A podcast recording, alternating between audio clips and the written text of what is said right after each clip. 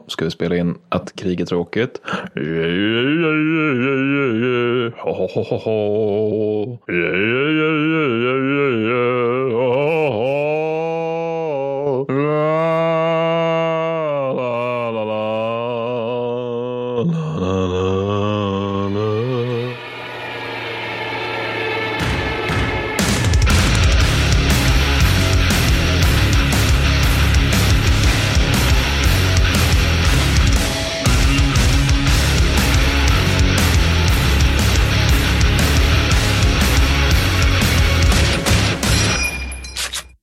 Och välkomna alla kära underbara lyssnare. Jag heter Per Wallin. Vi, vi presenterar oss sällan Mattis. Vad heter du? Jag heter Mattis Bergvall. God dag. Mm. God dag. Välkommen till Kickstory-podden. Vi har gjort det här ett tag nu. eh, men jag tänker att vi ändå kan berätta lite. Nej, det ska vi inte göra. Det. Ni som lyssnar på. När, när presenterar vi oss? Vi kommer ihåg att vi hade det här att så här, nu för, för första och förmodligen sista enda gången så ska vi liksom berätta vilka vi är. Vad var det? Var det första ett. avsnittet? Ja, det var det. det, var det. Ja. Eh, precis, Bra. det var då vi avslöjade vart vi jobbade någonstans och sådär. Men, men, men nu gör vi ju inte det längre. Så att, eh, det underlättar Nej. saken. Ehm, Just Ja, det. men, precis, men det var då, det var då. Men Ja. sen, tror jag vi bara, sen tror jag vi bara förutsatt att alla lyssnare vet vilka vi är. Och det är liksom lite grann som att vi har förutsatt att alla lyssnare vet att vi har sociala mediekontor och vilka de är. Trots att det var typ ett halvår sedan vi berättade om att vi har det och vem som Ja. har vad. Och att vi faktiskt har växt ganska ordentligt i antal lyssnare sedan dess. Ja, precis. Och jag menar, vi, framförallt så förut sa vi så här, gå in, mejla oss på kickhistoriepodden med 2d at gmail.com. Ja. Och nu har jag sagt det igen, så nu kan ni göra det om ni vill. Eh, igen. Men vi, alltså vad fan, det är 2021 nu liksom. Det, det finns, alla har väl sociala medier? Eller man fattar väl att det Ja. finns överallt? Gör man inte Jag det? vet inte. Kanske, alltså det, samtidigt är det ju, om man, om det, man har lärt sig någonting av marknadsföring så är det ju att man, det, det underförstådda är liksom inte det som fungerar absolut bäst. Så. Nej, det är i och för sig sant. Jag, jag försöker ju vara så lite marknadsförare som möjligt när jag trycker på räck och jag vill vara konstnär istället. För en gångs Jo, skull. nej, men Yvig. fair enough. Fair enough. Ska inte sälja ryggsäckar. Eh, precis. Inte än. Nej. Du, Mattis, herregud vad tråkiga saker vi ska prata ska om bli Alltså, vet du? Vet du hur tråkigt krig är? Alltså, det är så tråkigt, jag dör! Det är så tråkigt. Det är så tråkigt med krig. Och det, det är också det här roliga att det är inte bara tråkigt på det där sättet som jag tror många tänker sig att krig är tråkigt. Det vill säga att det är tråkigt att sitta i en översvämmad skyttegrav medan tyskjävlarna skjuter på det med tungt artilleri. Utan det är också tråkigt som i monoton väntan och ren tristess. Och också att det är liksom de här osexiga aspekterna som ofta är de mest avgörande. Typ att så här, Ja. dådkraft eller enskilt hjältemod spelar otroligt liten roll i modernt krig. Det är sån här någon idé vi har från antik, antik grekisk krigföring. Medan däremot det som brukar Ja. trumfa är ja, men logistik. Ja. Jag, menar, jag kan säga det om tråkighet, just alltså, min erfarenhet, en stor del av min erfarenhet, många, många, oändligt många timmar som jag har varit i en krigszon har tillbringats av att jag sitter eller står i ett fordon och är bajsnödig. Och väntar på att få komma. Alltså jag sitter i en trafik, jag sitter i en trafikstockning på något vis, för vi väntar på att åka någonstans. Och jag är bajsnödig. Det är, liksom, det är så mitt bestående minne av Afghanistan. alltså, I princip. Jag, minns, jag är bajsnödig. jag, jag, såg, jag såg någon, ehm, jag vet, minns inte hur stor den var, men det var någon undersökning som var så här, vad är västerländska soldaters liksom bestående intryck av vad man gjorde så där i just Irak och Afghanistan? Och då hade man frågat soldater av en Mm. Ja. rad olika nationaliteter. Och det som de hade som gemensam krigsupplevelse, det var den här upplevelsen av att stå och kasta stenar på pansrade fordon. Ja, What? men, Okej. det, det var det de, liksom, de, de flesta svarade, ja, men det gjorde vi. Och det säger nog någonting om hur jävla tråkigt de hade det. Liksom, man står där i en jävla öken, man väntar på något flygangrepp som aldrig kommer, eller någon order som aldrig kommer. Nej. Och då underhåller man sig genom att kasta sten på pansrade fordon. Donk, donk. Jag, jag köper Ja. det. Ja, jag köper det. Liksom. Det låter roligt. Pansar, bling, bling. Liksom. Men innan vi går ner i varför krig är så jävla tråkigt så har vi lite shoutouts. Um, jag tänkte börja för eh, vi spelade in det här avsnittet i början på maj och ja, jag la ut, okej, det här blir lite backstory till varför jag tycker det här är roligt, men vi släppte ett avsnitt eh, som handlar om Stora Nordiska kriget och dagen innan det avsnittet släpptes så gick jag ut på Twitter och sa så här. Åh, hörni, imorgon vinner Sverige Stora Nordiska kriget, stor svenskhet. Woo, woo, woo. Woo! Heja klack, nu Mm. kör vi. Och sen går jag in några timmar senare och så är det typ så här, yes, Djurgården, svarar någon. Och någon annan svarar så här, härligt, de tror också på vinst. Och jag bara, Djurgården, det är någon form av sportlag tror jag i sammanhang som håller på med någon form av idrott. Kan det vara? Så, så, här, så, så visar det sig att, så här, att de trodde att vi hade en ås, eller ja, ful tol, rolig tolka, att vi hade en åsikt om att när Djurgården spelar mot Malmö FF på en måndag, dagen, alltså dagen efter jag hade pushat för det här. Eh, så det är väldigt sött. Så att nu, följ, nu är det en massa djurgårdare som följer oss. Eh, Men alltså vi har ju pratat om det här med att vi inte ska liksom byta lands med pansarfolket. Det är ju ännu värre med sportfolket. De är territoriella. Ja. Alltså, ja, som det, är då jag, alltså, det är då jag sett verkligen mord i ögonen på folk. Det är när man liksom får en aik och börjar prata om djurgårdar in- inför en annan djurgårdare. Då. Uff, det där är ju livsfarligt. Ja, men jag, jag har två shoutouts. Minns du eh, användaren ved är kul?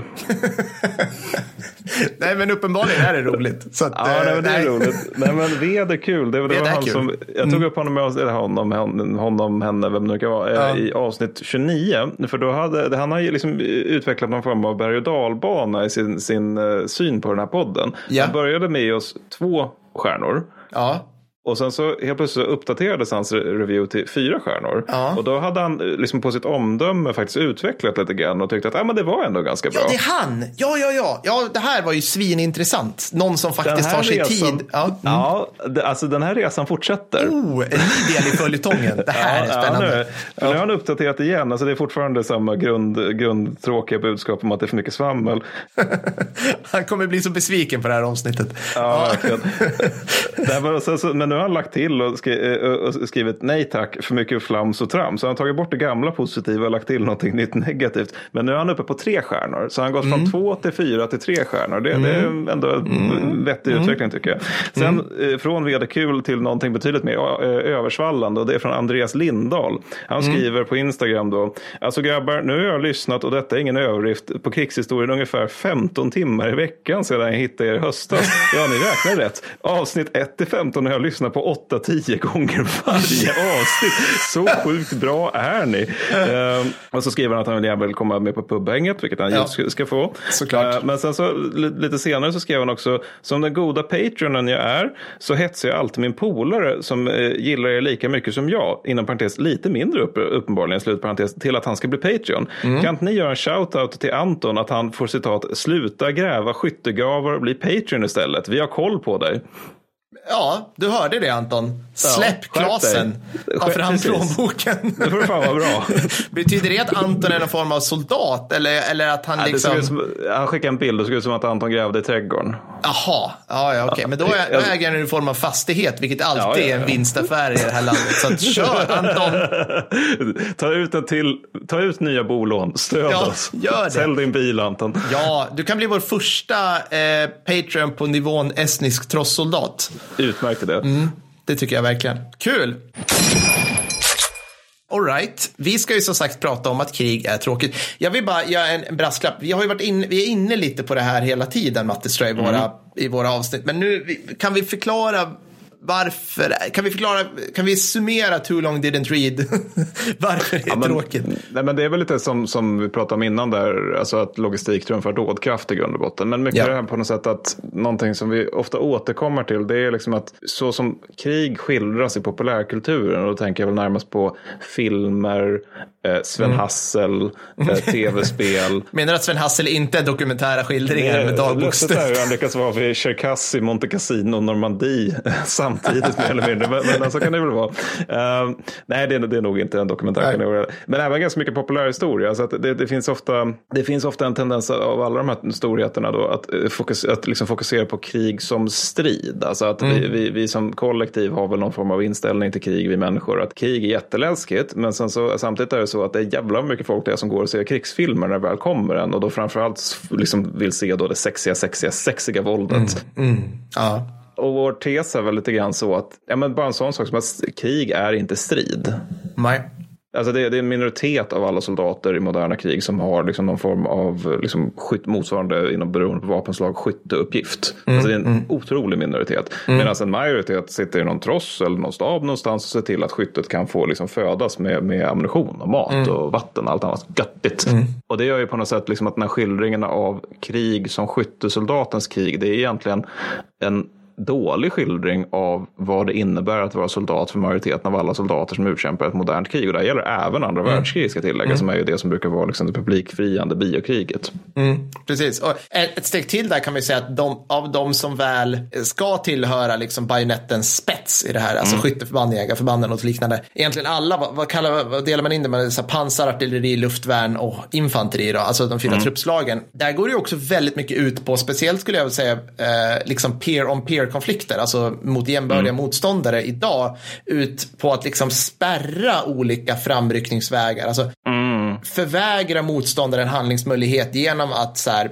minera här eller att lägga en, liksom, spärra av här eller fördröja mm. här. Så att det inte alltid, det är absolut inte alltid att du faktiskt skjuter på någon du ser, utan det kan vara så att du finns här, ditt förband finns här, vilket gör att fienden mm. måste göra någonting annat. Eller att du pressar på. Och så, och om det här pågår samtidigt med det liksom, politiska spelet och flott och, och luftstridskrafter, då blir det som schack, ett slags mm. oblodigt schack, att man liksom, den som är snävigast på det här sätter motståndaren i någon form av schackmatt och det blir någon form av liksom... Och det är lite lustigt att så där har det typ alltid varit också, mm. för att alltså det har ju alltid varit så att, ett, återigen om man tar sånt som man brukar fokusera på ofta, det är ju ett regelrätt fältslag. Så. Mm. Och om vi då tänker oss, som vi pratade om när vi pratade om 30-åriga kriget i avsnitt 19, eh, hur ofta, alltså man, tänker sig krig som att det är liksom någon form av stort pågående slag. Då tänker mm. man sig det är väldigt fel när man tänker just tidig modern krigföring. För där är det i regel ett fältslag per år eller varannat år. Det är inte så mycket oftare än så. Nej. Orsaken till det här det är ju att ett fältslag, alltså du kan, det kan vara så att du är Gustav II Adolf eller någon hjälte i stil med Lennart.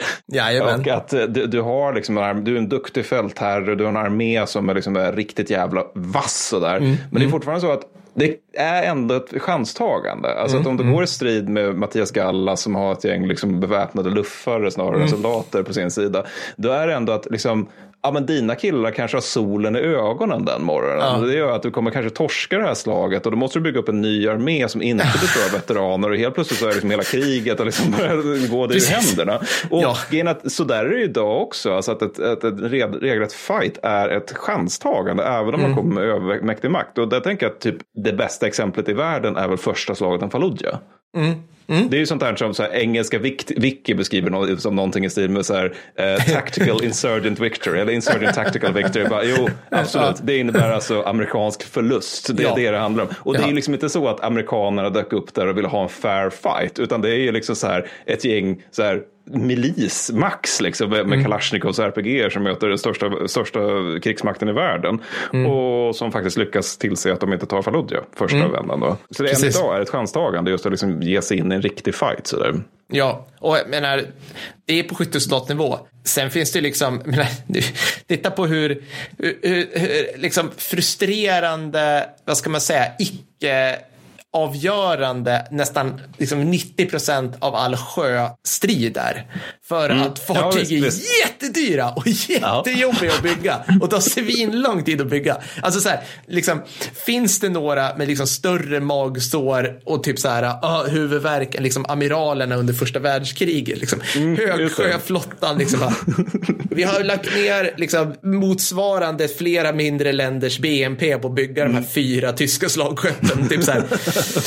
Vi tänker inte riskera dem, men nej, de är ju byggda nej. för någonting. Ja, men de är lite för dyra. Alltså, lite för dyra. de men det var ju det man sa om, eh, om uh, brittiska flottans chef, att, uh, att eller högsta amiral eller vad det nu var, mm. minns inte vad han heter, men, men att, att han var den enda mannen i Storbritannien som kunde förlora kriget på en eftermiddag. Ja, alltså det... det var liksom, han vill inte gå ut. Men, visst, vi är fler och vi har nog bättre sjövana än tyskarna. Ja. Men tänk om, ja. tänk om vi förlorar det här och då vi är på en ö.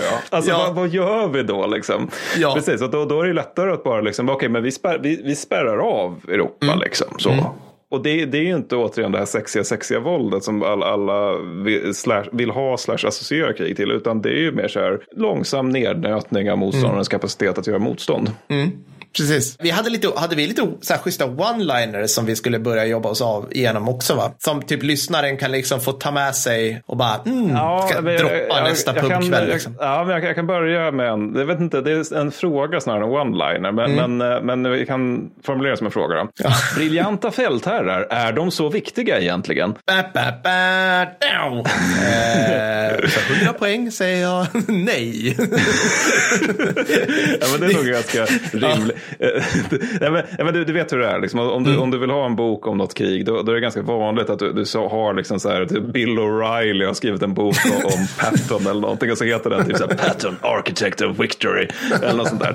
Eh, Eller att liksom, nå- någon, någon person har skrivit liksom Manstein, liksom Ja. det, det, stora geniet. Eller liksom Model, han som sydde, sydde ihop östfronten. Eller vad det nu kan vara. MacArthur, han som spöade Japan. Alltså det är ganska, det är ganska Karl den tolfte, äh, svära i kyrkan, där tappar vi alla våra lyssnare.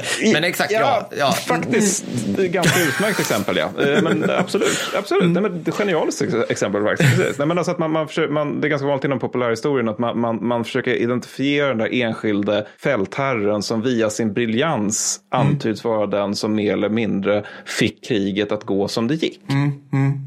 Men, det, men kan, alltså, ser man det, jag, jag tror man ser det framför sig och jag, kan- jag kan nog se det framför mig och som man tror det för att, att man ser någon som drar i alla trådarna. Någon, här, någon, alltså så här, en person precis, som liksom precis. spelar på pianot, en mästervirtuos liksom, som kan driva hela den här fantastiska, alltså vem, på vilken nivå den är, liksom hela svenska krigsmakten eller, eller liksom armégrupp mitt eller whatever. Liksom.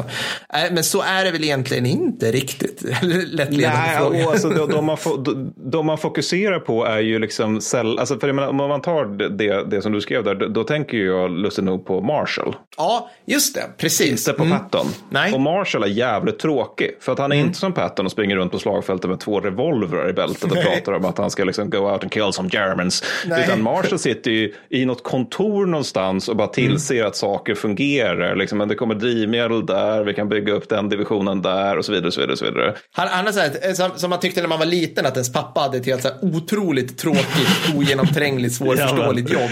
Vad gör du om dagarna? Jag pratar lite i telefon, skriver mail. Så bara, Men det är inget jobb, du är inte ute och bygger något. Ja, det var så, precis, det var så här, barn, alla barn, vi barn som hade pappor som citat jobbade på kontor. Ja. Att det, var liksom bara, man, det, man går till en byggnad och så finns det papper där. Man, det är lite oklart vad det leder till.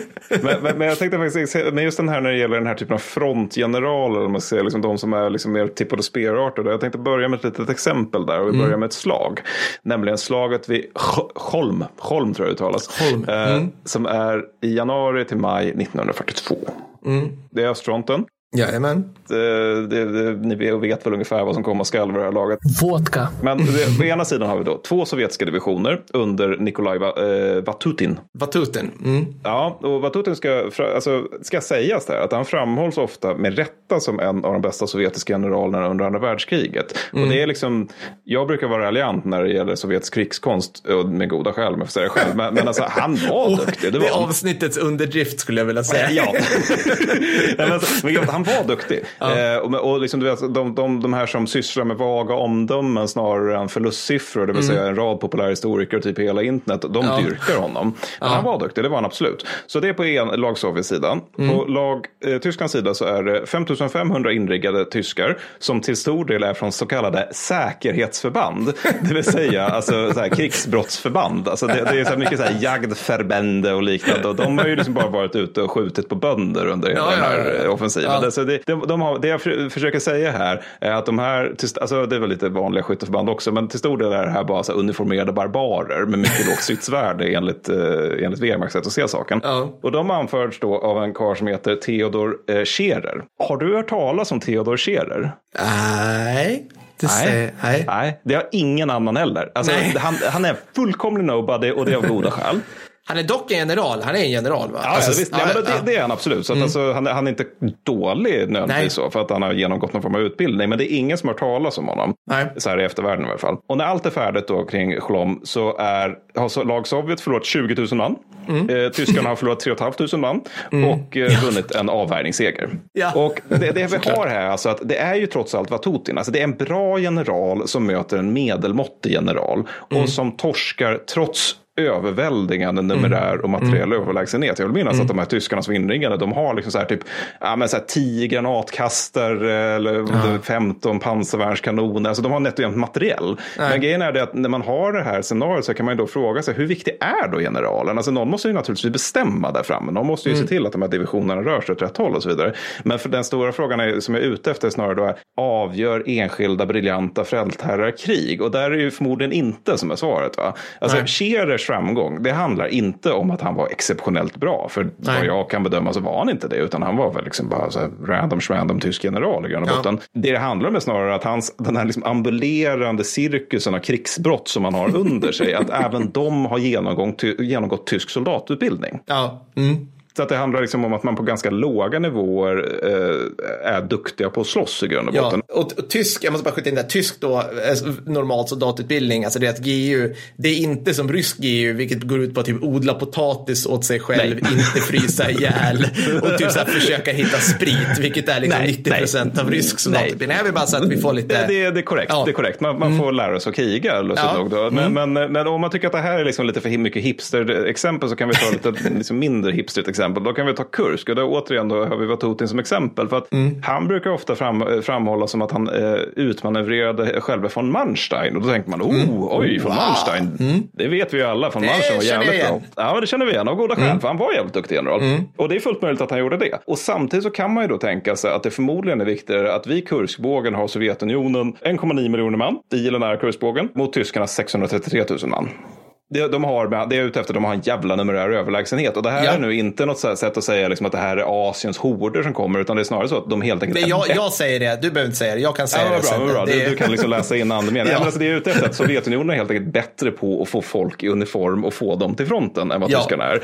Och det här gör, det gör det möjligt för dem att inleda fler offensiver än vad tyskarnas fall. För i fallet lag Tyskland, då är det här, Kursk, ja det är ju det är offensiven 43, mm. liksom. det, är, det är det vi har resurser till. Va? Med, medan ryssarna, det är mer så här, vi kan ha en där och så kan vi ha en där och sen kan vi ha en där. Jaha, ni har, ni har kraftsamlat här. Det innebär ju att resten av er front är som en jävla liksom, pianotråd som vi kan mm. peta lite på och sen kanske den kollapsar. Oj då, det händer visst. Och mm. så liksom, för man tar 43, då är det så att tyskarna har nått sin absolut högsta nivå som de någonsin kommer nå på östfronten när det gäller numerär. De mm. har 3,1 miljoner man i vapen då på östfronten. Plus lite allierade som har olika så här, säkerhetstjänster och så vidare. Men de kan vi nästan mm. bortse ifrån för de har så lågt, lågt stridsvärde att det är löjligt. Och medan lag Sovjet då, de har 6,9 miljoner man mm. i uniform som är dubbelt så många längs fronten. Och det här är alltså trots då att de eh, var fjärde till var femte månad, månad förlorar motsvarande en hel jävla osther. Ja. Ja, det är alltså trots det, trots alltså, att de förlorar lika mycket som tyskarna har var ja. fjärde eller var femte månad så är det ändå så att de har lyckats växa till, sig till att vara mer än dubbelt så många som tyskarna. Ja. Ja. Och det är nog bra för liksom det enda tillfället då är 1-1 förhållande på östfronten. Det är sommaren 41 och det, då, då blir det jättejobbigt för rödararmén om man ska vara helt sån. Och allt det här som jag håller på att tjafsa om det här, det, det görs möjligt inte av att det är liksom någon Vatutin eller någon från Manstein eller någon Tjukov eller någon så just återigen enskilt geni sådär som har sett till det här. Utan det här är möjligt på, på grund av dels den sovjetiska förmågan att mobilisera för sin befolkning. Mm. Eh, sen också att Sovjetunionen har en front. Jag skulle säga att de har lite mer befolkning också.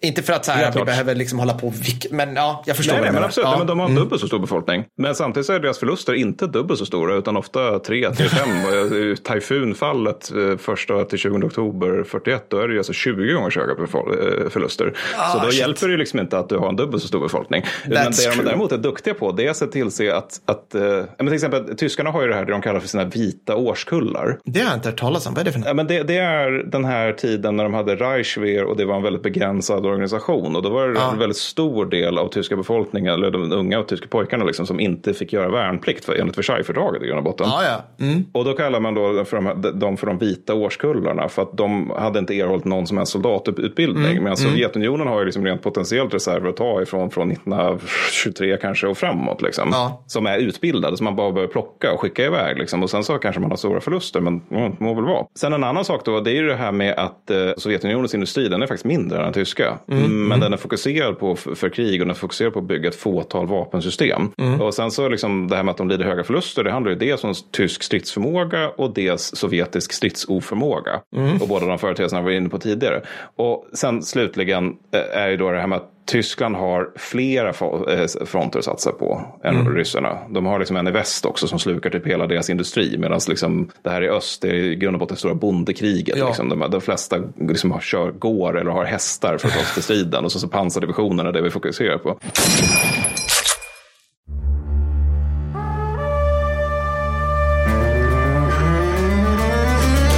Denna vecka har vi något alldeles särskilt för er festsugna coronaisolerade lyssnare där ute. Det är nämligen så att Mattis under en av sina resor i Paul von Lett och Wårbecks fotspår längs den afrikanska kusten stötte på ett rostande men fullt fungerande Liberty Ship som låg på grund. Alltså, ni hörde rätt. Mattis, är det verkligen sant att du sedan köpte fartyget av hövdingen Konsusa för en handfull färgglada plastpärlor och en flaska whisky? Jajamän. Helt otroligt. Skorven har vi nu i varje fall förvandlat till ett flytande rave som ligger och guppar utanför Skutskär. Patreons får förtur till Ecstasy-buffén. Du är välkommen. Men det jag är ute efter med den här utläggningen det är liksom att allt det här som jag beskrev just nu är förmodligen viktigare än enskilda generaler. Alltså, alltså, mm. Det är klart generaler som är bra som kollektiv är bra. Mm. Eftersom krig är en lagsport. Alltså, generalstaber är jätteviktigt att ha. Det är viktigt att ha stabschefer som ser att logistiken fungerar som den ska och så vidare. Mm. Men de här tidigare nämnda punkterna är förmodligen minst lika viktiga eller eventuellt viktigare. För, alltså, mm. de, de, för de här grejerna, de handlar liksom om industripolitik, doktrin, taktik, utbildning på samhällsnivå, mm. strategi. Och det är sånt som ofta är liksom spikat innan krigsutbrottet mm. i regel. Alltså till exempel liksom hur en tysk pansardivision är strukturerad. Det, det liksom hittar man inte på 39 när man börjar slåss. Utan det sker ju tidigare.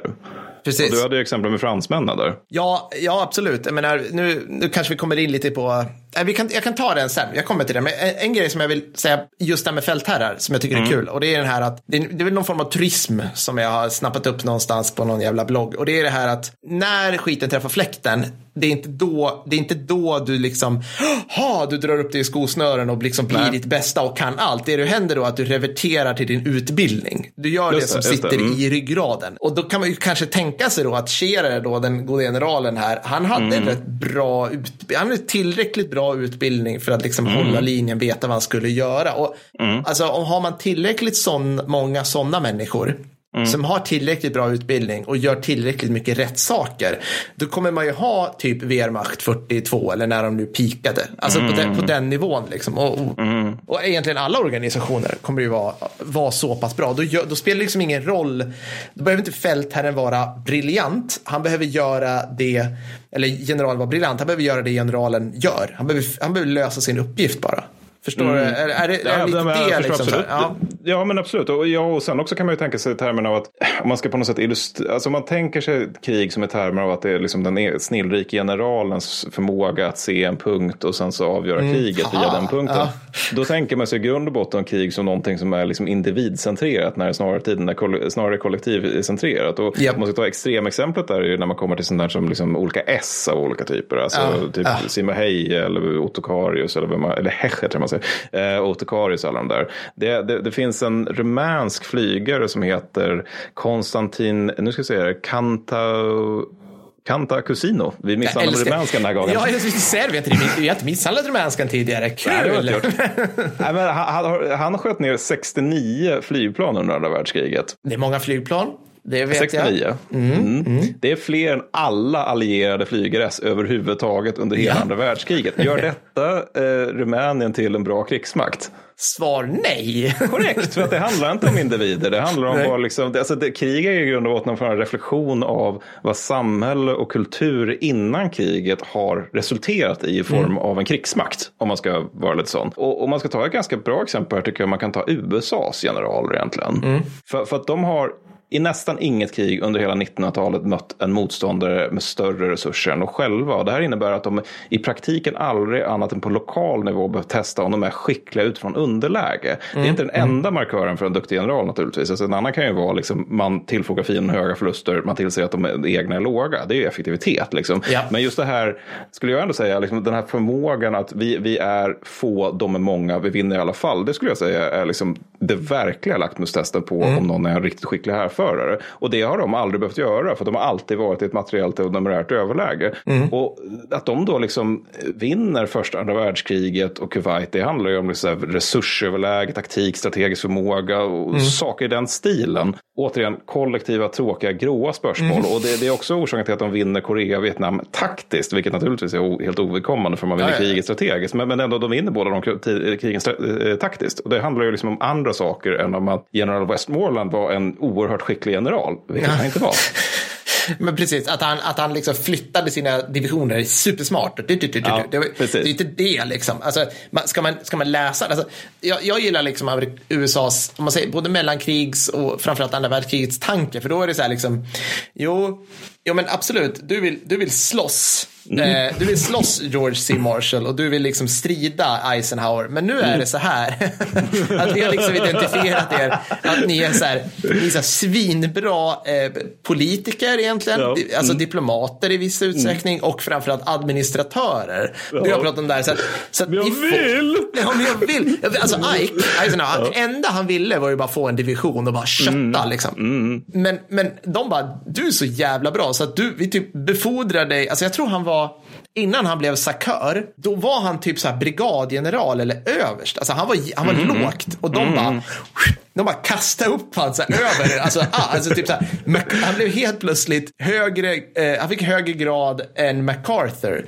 som han var adjutant till. MacArthur var ju väldigt sur över det också. Ja, ja han var väldigt sur. Det, det är ganska kul att det, det finns ju så här riktigt så här småaktiga meddelanden som man gör det, liksom sent i kriget. Där bara, att han blir så här uppiggad av Ardenner-offensiven när han sitter fast på Filippinerna för att japanerna slåss. Liksom. Då, ja. då, då, då, blir han jättepigg av Ardenner-offensiven för att Ike just har tagit höga förluster. Och då liksom, men snälla Mac, kan du fundera på vilka är de här förluster du pratar om? Är de möjligtvis amerikanska pojkar? Pojkar. Det är ju ja. samma, det är samma lag det här. Ni, ni har en gemensam, nej, nej, nej, nej, det handlar om min personliga ära. Åh oh, gud, vi ska ha ett avsnitt om MacArthur. Det ska vi definitivt. Han är ett ganska bra exempel på just det där. För att idén om att MacArthur är en storslagen och fantastisk general snarare än att han är någon som kan liksom, trycka på japanerna med överväldigande numerär och materiell mm. överlägsenhet. Mm. Vilket det handlade om, alltså att mm. de har fler fartyg, de har fler liksom, större handelsflotta. Det, det på något sätt falsifieras en smula av att han har en chans att visa mm. att han är en riktigt bra general. Mm. Och det är Filippinerna 1942. Ja. När en numerärt underlägsen japansk styrka gör en våldsam landstigning i terräng som de inte har kartor över. Nej.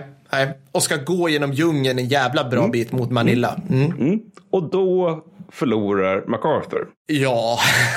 men däremot när han har det här med att vi har 400 000 man, det är 30 000 svältande japaner som sitter fast på någon sån jävla kobbe utanför mm. eh, Papua Nya Guinea. Ja, då vinner han. Men mm.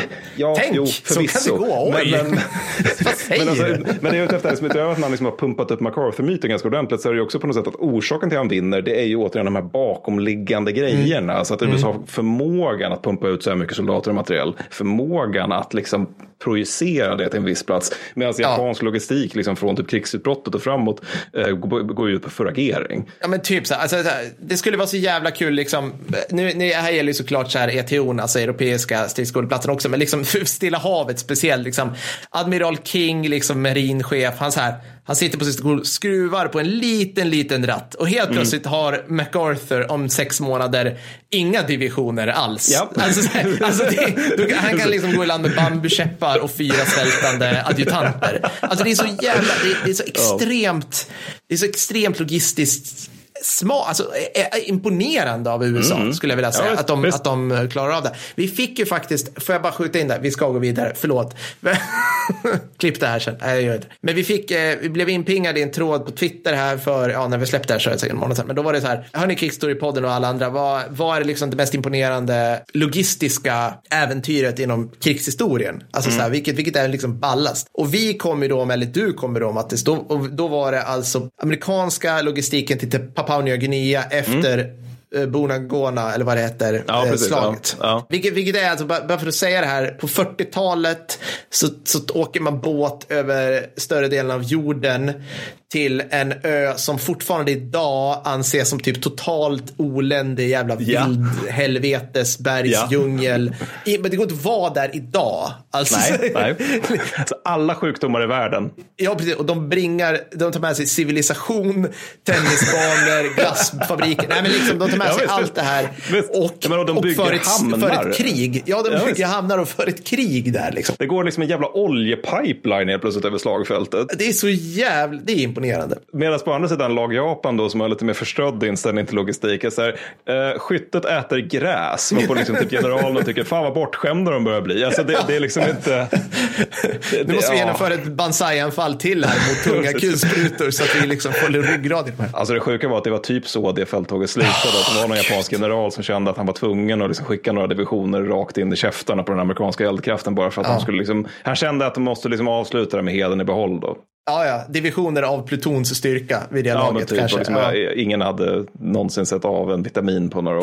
Så det var liksom, det, det, nej, det, det, jävla, ja, det är helt galet. Ja. Men, äh, men det jag har varit inne på är rätt mycket sånt här, liksom att eh, sånt som man gör innan kriget tenderar att vara det som ofta avgör krigen. Mm. Framför, alltså, framförallt moderna krig, för moderna krig är så här, vilket är första världskrigs avgörande slag? Kan någon peka ut det för mig? Eller Mm. 30-kriget, eller vad fan, eh, Iran-Irak-kriget, eller, eh, eller I- Irak-kriget, eller Kuwait-kriget, eller, Eller Korea, andra världskriget. eller- Korea, Vietnam. Vilket är avgörande slag? Det finns ju förmodligen inte. Nej. Men, utan snarare handlar det om de här typerna av grejer man gör innan då. Mm. Och det, du har ju lite grejer där. Ja, precis. Nu kommer one-liner två. Eh, och det är bara det är ingen jävla fråga, det är bara ett konstaterande. Krig avgörs innan kriget. Jag tänkte gå in lite det på dig. Men först Mattis, tänkte jag fråga dig så här. Om, eh, om du skulle säga bra eller anus till eh, danska krigsmakten under mellankrigstiden, vad skulle du säga då? Alltså, mitt dansk-hat vet ju inga gränser. Vilket vi har bevisat upprepade. Lägg in här 20. Det är Danmark. Det är fullständigt idiotiskt. så, så, nej, nej, men eh, på allvar, alltså, man ska, jag ska, med tanke på att de, de, de förlorade 21 man, har jag för mig att det är, 21 stycken Mm. i, i under försvaret av Danmark och att det sålunda förmodligen, ja, motståndet var nog begränsat, så, Mm. så tänker jag att man, man nog skulle kunna tänka sig att det inte var jättebra. Nej. Nej, inte så bra. Anus är ditt svar. Anus Ja. är rätt. Ding, ding, ding. Alltså så här, eh, danska försvarsbeslut under mellankrigstiden, de fortsatte att drastiskt skära ner försvaret fram till och med 1937. alltså då, då, liksom, då Hitler bara så här, vi kommer starta ett krig med största sannolikhet. Och Danmark bara, ja men vi tror, vi tänker oss att typ Nationernas förbund, de kommer styra av där. Vilket, vilket är ungefär som om typ, någon skulle fråga Island idag. Island, eh, hade ni tänkt skaffa en egen armé? Och de bara, nej, nej, vi har fått, vi har fått garantier från Örkeljungas hembygdsförening att de kommer steppa upp om det händer någonting här. Så vi känner oss trygga med det här. Ja, så, så i Köpenhamn finns det en så här känsla av att man, man, man kan ändå lita på den där Adolf, att han verkar ändå rekorderlig. Ja, det finns ingenting som pekar på. Nej. Nej, och det är så jävla, alltså så här, nu, eh, vi har ju pratat om så att säga eh, kontrafaktisk historia. Och jag vet att nu kanske ni tycker så här, nu är jag lite inne på det här, men, men det här är sådana här saker som vi har, om man, om man ens har litet, litet öra mot rälsen när det gäller dagens försvarsdebatt, pratar vi mycket om tröskeleffekt, alltså Sverige nu rustar upp, vi ska få tröskeleffekt och det är krigsavhållande och sådana saker, eh, vilket det är att vara, allians, vara med i en allians är bra och sådana här saker, det invaderar vi inte med. Och, men liksom under mellankrigstiden så var det alltså, det, det, de halverade antalet bataljoner och konstant skar ner hela flottan, alltså under hela kriget. Alltså det var som att de gick på myten, alltså 1918 så blir det aldrig mera krig. Och så skar de ner det. Och man Ja. kan ju tänka sig att, att om Danmark och för övrigt, jag ska säga så här, Norge, för Norge är, där trodde jag, när jag läste om det, jag bara, ja, men de måste ju ändå betett sig lite bättre. Alltså de har en gräns mot Ryssland for fuck's sake. Alltså där uppe. Det är liksom, jag ska inte säga att vi, de kompisar med Finland, men jag menar, det, det är liksom, de har, de borde, måste ha liksom de har mycket kust också. De kanske hade en bra flotta. alltså den längsta värnpliktsutbildningen i Norge under mellankrigstiden. Den absolut längsta. Alltså nu, nu snackar vi de som blir liksom värnpliktiga fänrikar och så här. Den var 84 dagar. alltså efter 84 dagar i lumpen Mattis, då kunde du möjligtvis ta på dig båda strumpor i mörkret. Ja. Alltså du kunde liksom. Ja, jag tror vi hade fått ut våra vapen då, men jag är lite Ja, men- osäker.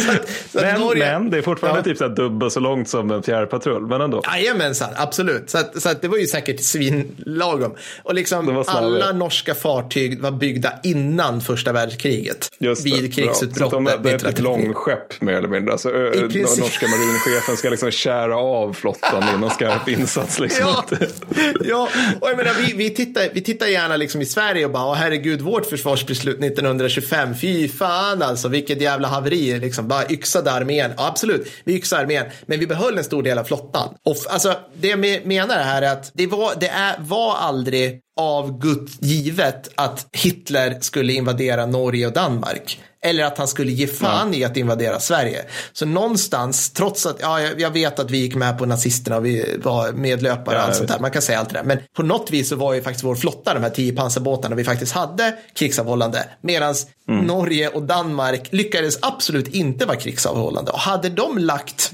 1% mer av sitt BNP under tiden, då hade kanske Hitlers ekvation gått lite annorlunda. Så det, det, det är det jag menar. Ja, inte minst med tanke på hur svårt det faktiskt var att ta Norge. Det tog Exakt, faktiskt längre tid ja. att ta Norge än det tog att ta Frankrike. Och Frankrike var ändå en militär stormakt för den här tiden. Exakt, jag menar, det här tycker jag är jävligt intressant. Liksom, att faktiskt det vi gör i djupaste fred påverkar extremt mycket det som händer i krig. Det är ju det historien har visat oss.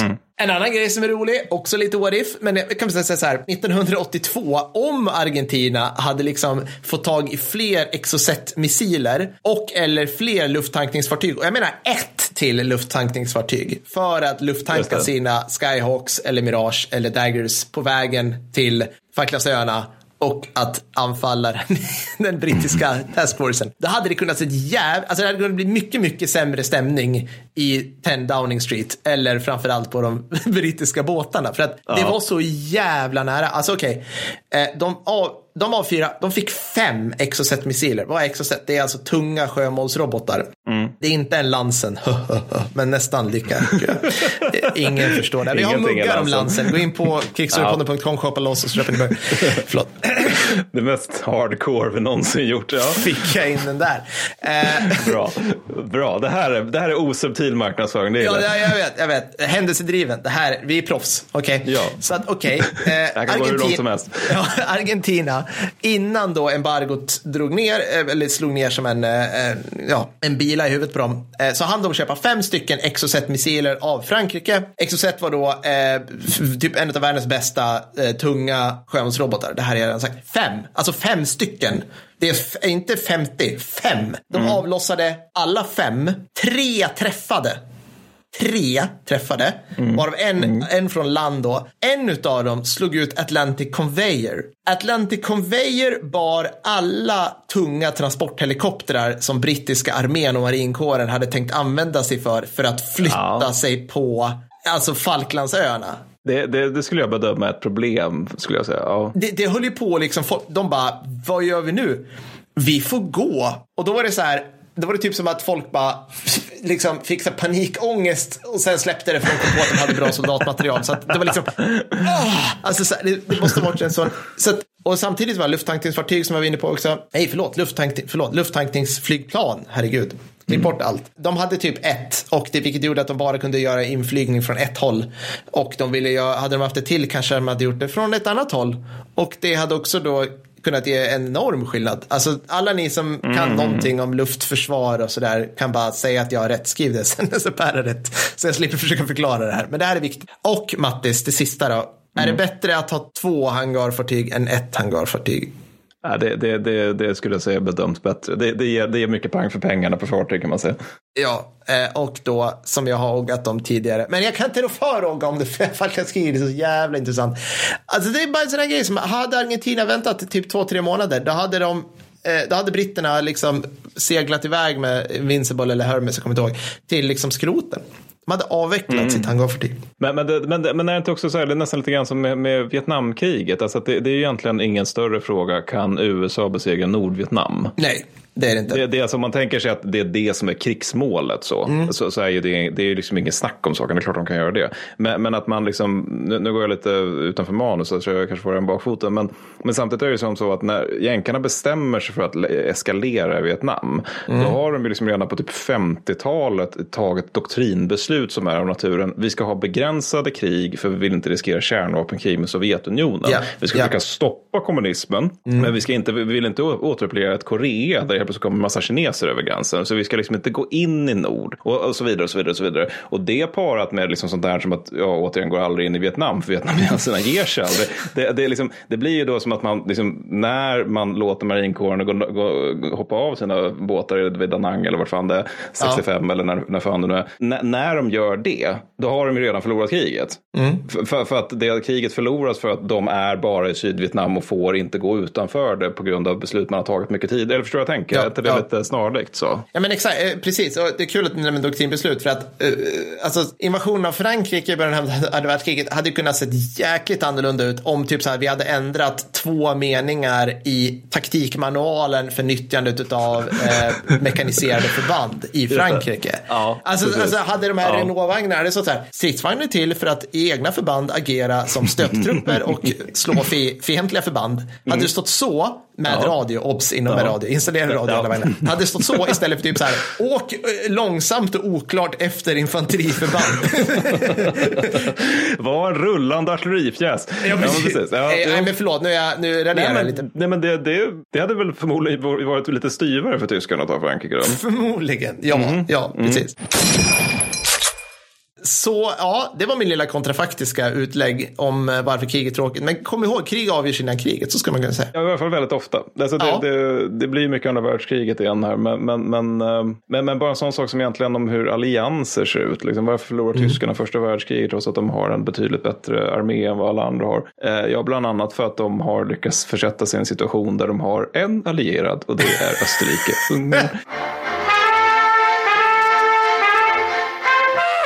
Eh, alltså... Skiter du på min underbara dubbelmonarki nu? Nej, Vad liksom, är detta? Givetvis prisar vi alltid Sankt Konrad och ja, hans heliga mustascher. Men, alltså, Muggen finns på kickstory.com. Kommer vi på ja. Det kan gå hur långt som helst.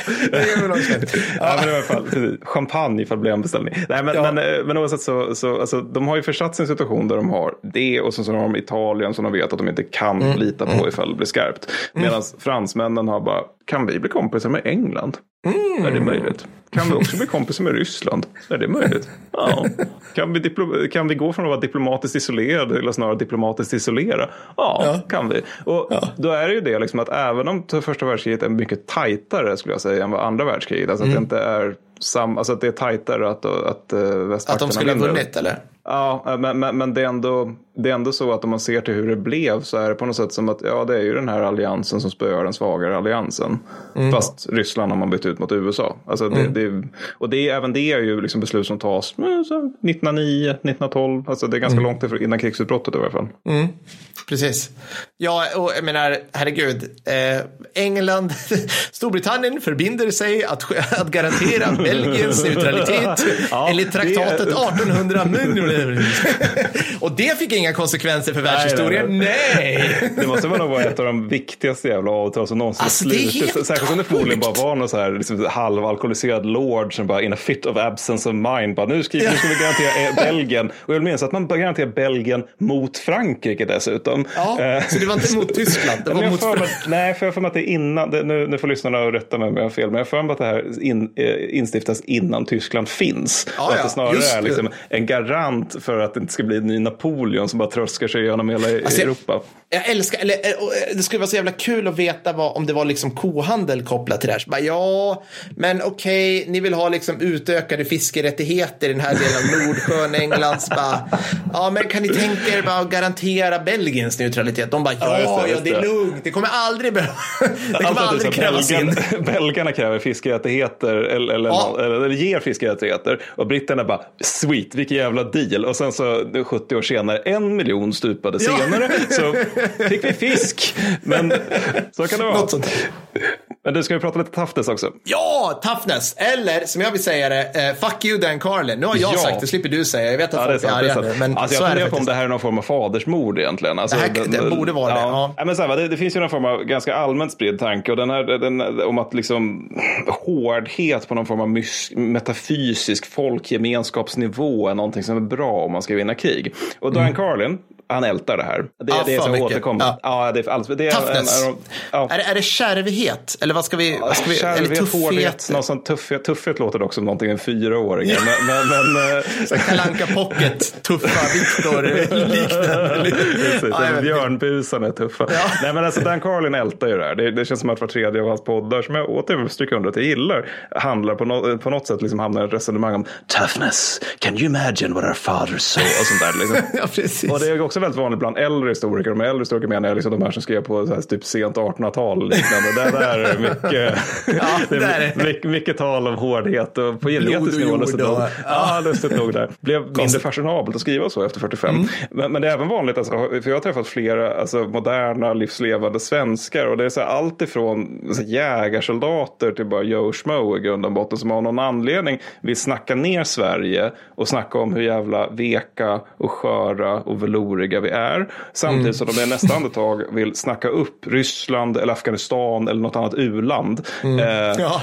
För att de är så hårda. Och det här vill jag också påpeka är ofta samma personer som säger sig älska Sverige, vilket jag tycker är en mycket märklig paradox, men så kan det vara. Ja. Eh, och då tänker jag, man tänker sig nu hårdhet här, och jag ber om ursäkt för lyssnarna att det varit mycket andra världskrigsexempel, men det är ett tacksamt exempel om man ska ta Vi kommer konventionella fortsätta krig. med det, så ja, ledsen. Ja, Ja. ja. men alltså det är ett tacksamt exempel om man ska ta konventionella krig. Då tar vi, vi kan ta liksom bara lite snabbt beta av de olika makterna som utkämpar det här, Mm. här eh, kriget. Då. Och tänker i termer av hårdhet, kärvhet, den här liksom inneboende metafysiska folkgemenskapen som har lett till det här hårda stålet i blicken när man går Mm. jajamän. till strid. Då har vi lag Sovjetunionen då. Det, det består av en bondhård u-landsbefolkning som ut, upplevt alltså helt jävla fruktansvärda Mm. saker de senaste 40 åren. Och liksom är bara så här otroligt vana vid umbäranden, att det inte finns någon mat och har liksom av gammal hävd en armé där liksom det här med tåliga soldater, det premieras. Så har Mm. det varit liksom sedan 1700-talet. Sen har vi Nazityskland då, som har liksom, eh, alltså, bokstavligt talat Europas sista krigaradel, som i egenskap av fänrikar roade sig med att stampa in skallbenen på resten av världen under första världskriget. Sen har vi Storbritannien, vilket är typ det bästa exemplet någonsin på termen silk hiding steel. Alltså, du skapar inte världshistoriens största imperium genom att vara snäll. Alltså, Nej. de har en nästintill oöverträffad förmåga till total hänsynslöshet bakom en mycket, mycket artig fasad. Ja. Eh, sen har vi... Glöm, glöm, ja, men glöm Ja. inte att engelsk underklass, alltså så här, så här, unga män från liksom dålig arbetarklass Mm. utan framtänder har liksom lagt världen under sig. Ja, Alltså, så här, ja. liksom, ja, bara- till, till och med jag tycker att det är lite härligt att Ja, höra. ja vi, vi, vi är anklagade ibland för att vara anglofober här, men vi måste ge dem det. Det ska absolut ha. Det, det får man ge dem. Och sen så har vi då Japan. Så här, proportioner, ja. man, man tar liksom i, anta, i tillfogade förlust under kriget. Att de proportionerligt de som lider färst förluster i form av krigsfångar. Och orsaken Mm. till det här det är ju att de är från högste general ner till yngste menig villiga att alltså, svälta ihjäl hellre än att ge sig. Mm. Och sen har vi då USA. Vad fan är USA? Det är en hög ingenjörer. Det är liksom, de blir. Dekadenta, rikare av kriget. ja, ja, ja, visst, Det blir ja. Månglare brukade både nassarna och japanerna kalla dem. Liksom, men men, men liksom det blir rikare av kriget. Deras kalorinivå går upp under kriget. Ja. De sitter där och lyssnar på jazz och dricker milkshakes. Typ. Ja, men också Ja. det här med att för, i The Taste of War så framhålls, vilken är en skitbra bok, läs den, eh, så framhålls att, att eh, alltså för eh, gängse amerikaner var det här idén om att äta kött. Det var ju liksom det som var eh, liksom idén om att man hade kommit upp sig i världen. Och det som Ja. händer under andra världskriget är typ att alla amerikaner börjar äta kött. Att de kan liksom äta det dagligen mer eller mindre. För att man börjar producera så mycket mat för krigsinsatsen. Ja.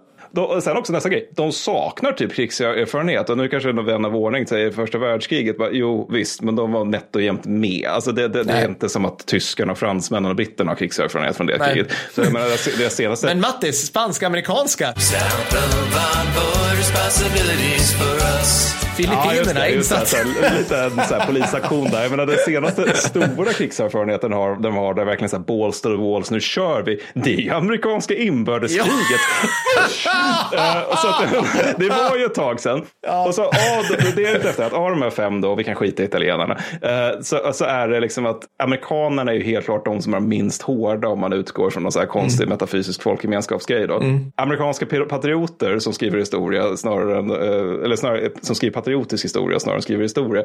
De brukar ofta ta upp liksom det här med att depressionen, det är det som förklarar the greatest generation. Ah, just Bara, det. jo, just det, för den var lokaliserad till USA. Det var liksom inte så att hela världen drabbades av den här misären. Utan, nej, nej. Utan Nej, börserna är överallt, Ja, ja, det var- förutom i USA. Där var det liksom botten. Ja, exakt. Fullkomlig dekadens. Det var värst svinfylla under hela 30-talet för alla. Nej, men, så, men, men, men, men trots det så är det de som klarar sig bäst ur kriget, skulle jag säga. Alltså, om man, och det är utöver det här med att de blir rikare och fetare av kriget. Det är också liksom så här att om man kollar på vilka är det som är närmast att komma till tyskarnas alltså stridseffektivitet. Under kriget. Ja, Det är ju amerikanerna. Eller ja, kanske nästan. Siffrorna är lite oklara för att källunderlaget är dåligt. Men förmodligen kring Ardenneroffensiven och förmodligen ganska definitivt under våren 45. Men då är andra sidan Heer nätt och en stridande enhet längre.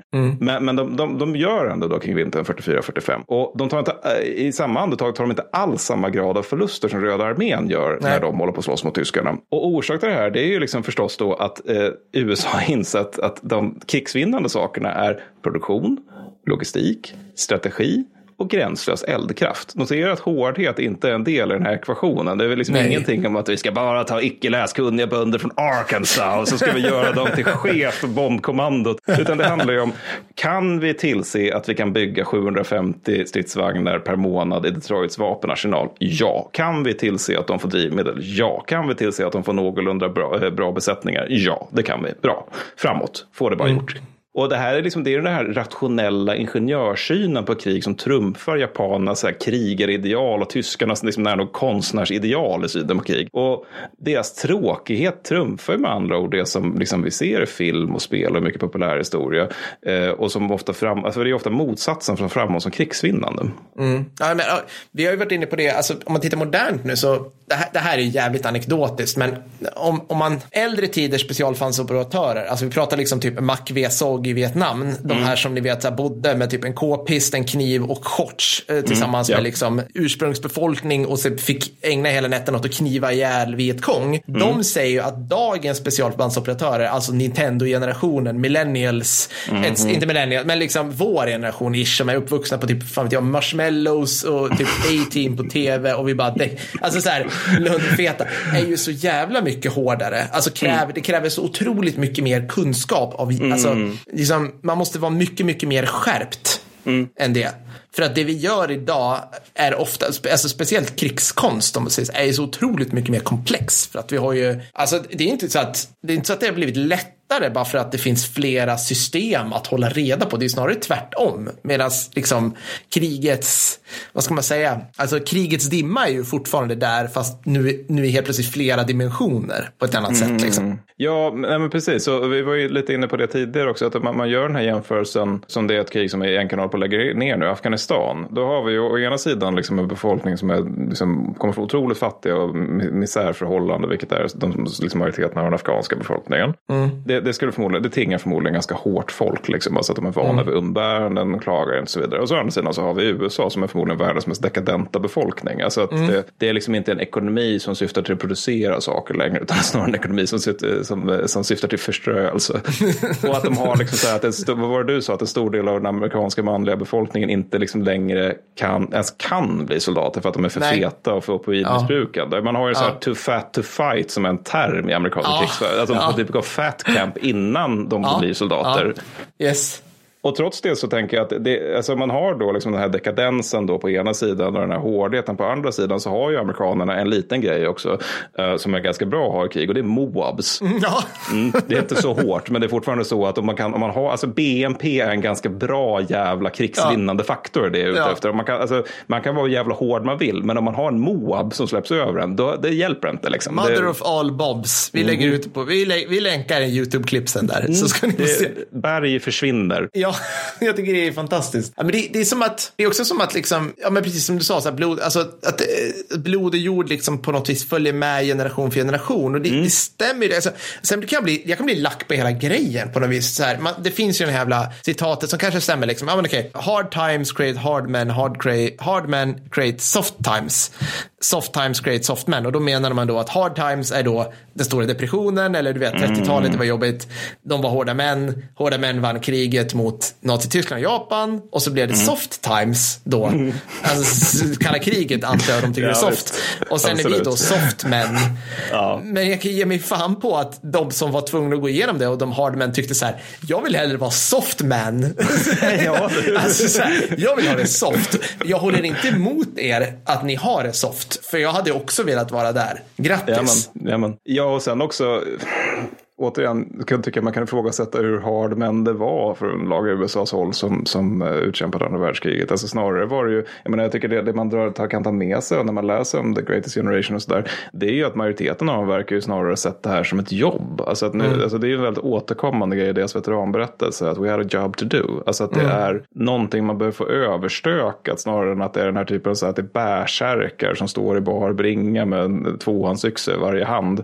Det är ju mycket mer liksom ingenjörigt bara. Ja, och, alltså, ja, precis. Jag har en grej, och, eh, bara, eller min sista jag kan säga om det här. Och nu blir jag lack. Och det är liksom, någon, någon lägger ut en bild på eh, liksom en, en, en flicka född 02 som gör värnplikten. Ja. är KSB-skytt i typ så här, jag tror jag är på eh, LV6 eller något sånt där.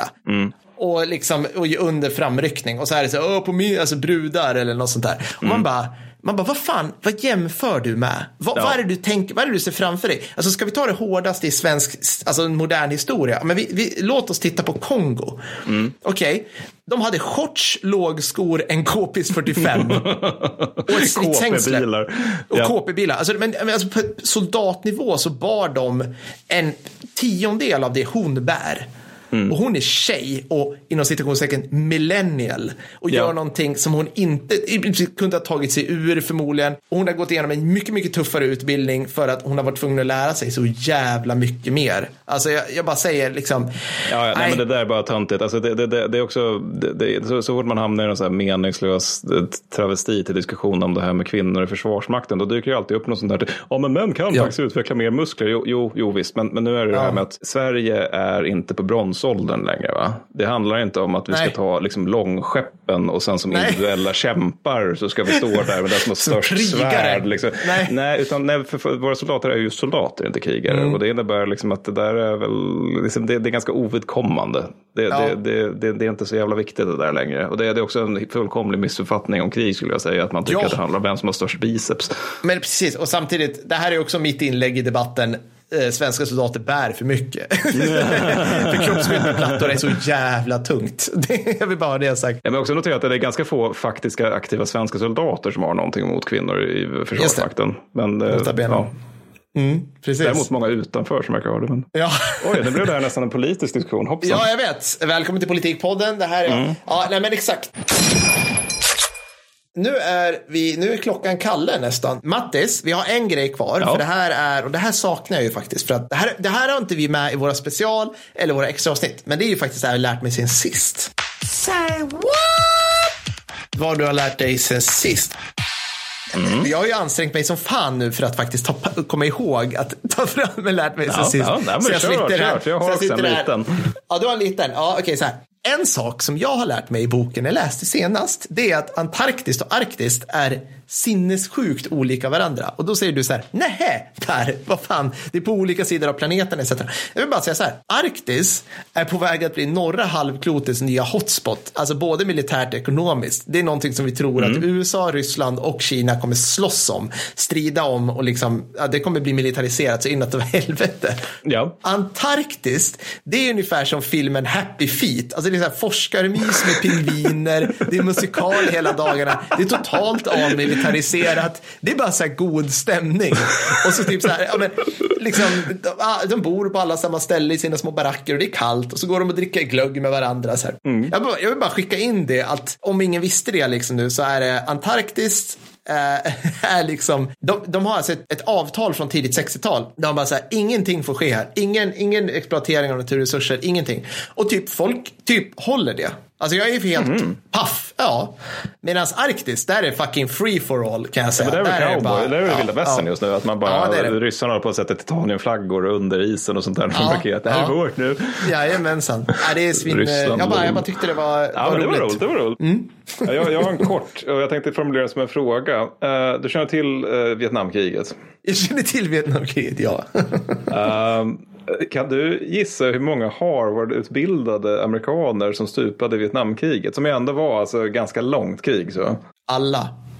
Inga. Nej, vänta, Nej, det. gissar. Nej, vänta, Harvard. Förlåt, förlåt. ja, Nej. här, jag, jag tänkte typ, eh, vet du vad jag tänkte på? Förlåt. Jag tänkte på typ så här, alla från Eton som stupade, alltså, stupade nej. i första världskriget. Nej, Nej, förlåt. nej det, det här, För det var ju typ alla. Ja, Eller? det, det var Ja. fjärdedel av, av brittisk adel dödades. Eller Det är så liksom. helt sjukt. Förlåt. Eh, då, då säger jag på, på fråga A, så, första frågan, så säger jag väldigt få. Ja, men kan du ge mig en siffra så bara? Tänk att det är ett långt krig. Alltså att, Ja, det är ett långt krig. eh, Officerarna är ofta universitetsutbildade. Ja, 300, 200, 300 pers. Svinbra gissning. 18. Den historiker som, jag, som, jag, som beskrev det här, han skrev då också att i århundraden har de europeiska aristokratierna betalat det militära priset för sina privilegier. I USA verkar det privilegierna inte vara villiga att, eh, det privilegierade inte villiga att göra det. Och det är Nej. fan sant. Om man tänker är på det här. Med, med tanke på hur många så här, liksom så här, jag har inte gått ut färdigt mellanstadiet som var tvungna att vara skytte i Vietnam. Vilket, Ja, fy fan alltså. Ja, det där ska bli kul. Vi, eh, och det, mina vänner, kom, kommer vi prata om, inte nästa avsnitt, för då kommer vi nämligen snacka om legoknektar, privata arméer och så här private military contractors och alla sånt där, ja, ni vet, eh, roliga saker som man stöter på i Global War on och det är Terror. ett Patreon-exklusivt avsnitt rent av. Jajamensan, och ni har varit med och röstat fram det här till och med. Ni, eller ni, förlåt, det är ett förslag och vi slangade upp det förslaget och ni fucking röstade på det. Så att helsike vilken deltagande demokrati vi är Mattis. Det är, Det är, fantastiskt. verkligen, det är verkligen. Men nästa ordinarie avsnitt, det, det hakar ju faktiskt in i min vad har jag lärt mig sen sist. Oh ja, för då ska vi nämligen snacka om NAM. Och det här... NAM. Vi börjar lite, vad ska vi säga Matti? Vi börjar lite i slutet av NAM. Vi ska nämligen Mm. prata om amerikanska arméns fall, förfall, dekadens och haveri. Ja, alltså satan. Alltså, det, det det, kommer bli- jag, jag hittat så mycket sjuk skit. Alltså, det kommer bli en jävla kavalkad i näsnissande kan jag säga. Det är liksom, all, all, alla ah, shit. lyssnare får en hemläxa nu och det är googla eh, Battle of Firebase Marianne. Ja, ja. Det sätter liksom tonen för det vi ska snacka om nästa, nästa ordinarie. Det tar vi då. Det tar vi då. Bra. Tack för dig som lyssnat. Jag heter Pavel Lind, du heter Mats Bergvall. Gingen gör gjorde eh, Frank och Johannes. Och muggar kan du köpa på... Nej, det är jag. Vi hörs sen. Ja, det är bra. Hej då. Hej då.